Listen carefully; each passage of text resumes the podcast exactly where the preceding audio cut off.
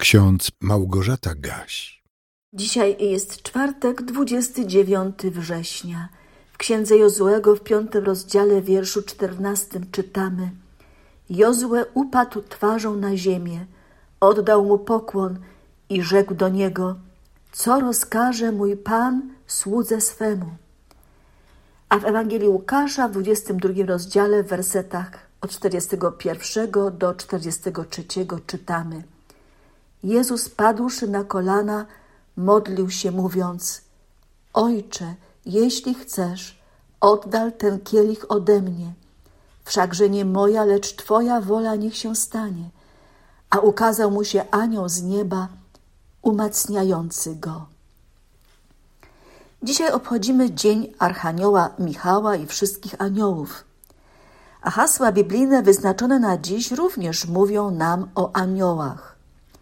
Pierwszy werset z księgi Jozłego pozwólcie, że przeczytam jeszcze raz, ale w całym kontekście, żebyśmy wiedzieli, dlaczego Jozue, następca Mojżesza, który wprowadził naród izraelski do ziemi obiecanej, upadł twarzą na ziemię i oddał pokłon. Czytam z piątego rozdziału Księgi Jozłego, wersety od trzynastego do piętnastego. A gdy Jozue był pod Jerychem, zdarzyło się, że podniósł swoje oczy i ujrzał stojącego naprzeciw siebie męża z wydobytym mieczem w ręku. Jozue podszedł do niego i zapytał go, czy należysz do nas, czy do naszych nieprzyjaciół? A ten odpowiedział, nie, ale jestem wodzem wojska Pana. Przyszedłem teraz.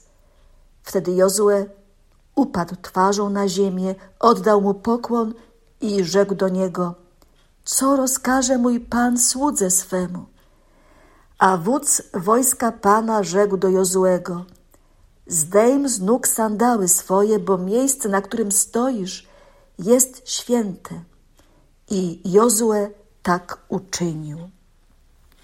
Warto przypomnieć, że to spotkanie Jozuego z wodzem wojska Pana, czyli z aniołem posłanym na ziemię przez Boga, by Jozłego umocnił w przekonaniu, że ziemia kananejska, czyli ziemia obiecana, już wkrótce będzie przez Izraelitów zajęta, bo Bóg im pomoże, to spotkanie ma miejsce bezpośrednio przed zdobyciem Jericha.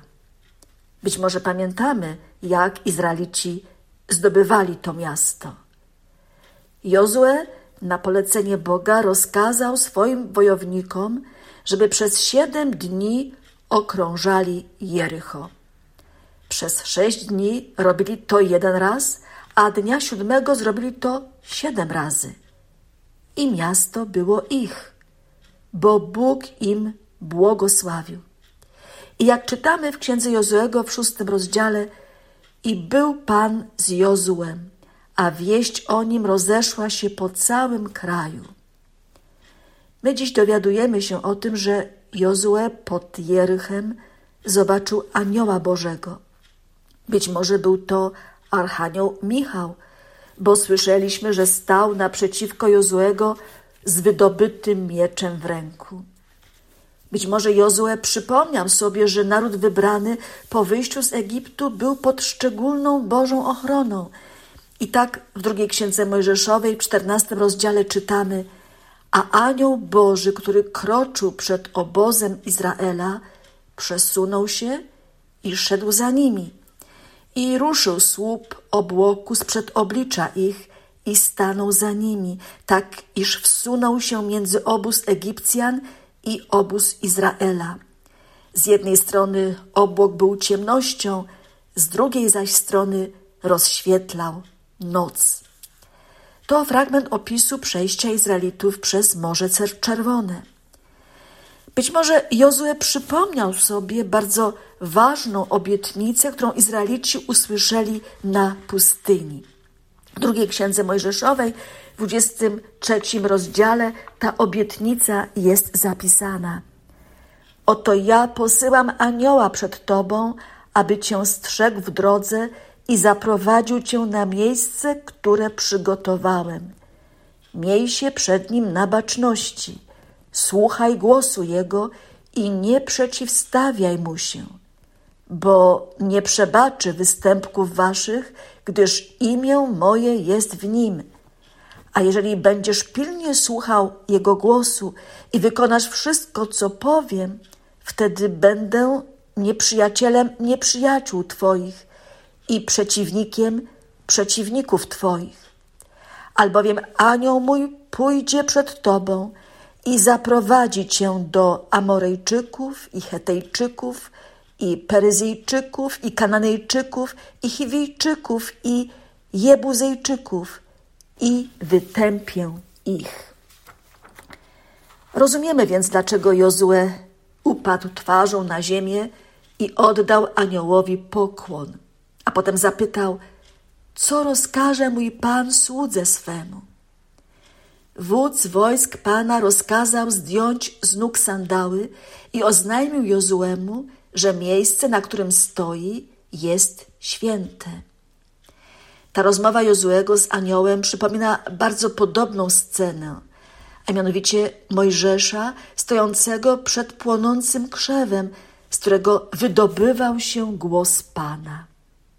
Zarówno Mojżesz, jak i Jozue byli pewni, że rozmawia z nimi sam Bóg i dlatego padali twarzą na ziemię i oddawali pokłon. Pan Jezus, modląc się w ogrodzie Getsemane, też padł na kolana, jak czytamy w Ewangelii Łukasza w 22 rozdziale. Modlił się gorliwie, bo bardzo potrzebował pewności, że jego Ojciec w niebie o wszystkim wie, decyduje, ale też da mu wewnętrzny pokój i pomoże odważnie stanąć naprzeciwko wrogów, którzy już wkrótce zaprowadzą go na Golgotę. Jezus toczył bój modlitewny na kolanach. Ojcze, jeśli chcesz, oddal ten kielich ode mnie. Ojcze, jeśli chcesz, ale niech Twoja wola się stanie. Jezusowi tam w ogrodzie Getsemane ukazał się anioł z nieba i go umocnił.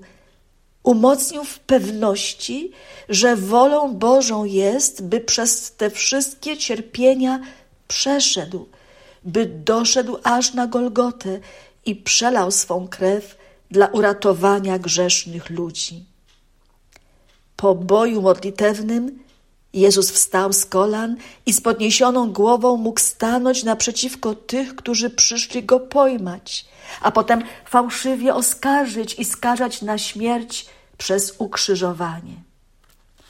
Ksiądz Dietrich Bonhoeffer, którego można nazwać męczennikiem Kościoła, bo zginął z ręki hitlerowców na miesiąc przed zakończeniem II wojny światowej, już w więzieniu napisał słowa pięknej pieśni, która jest wspaniałym wyznaniem człowieka całkowicie oddanego Bogu.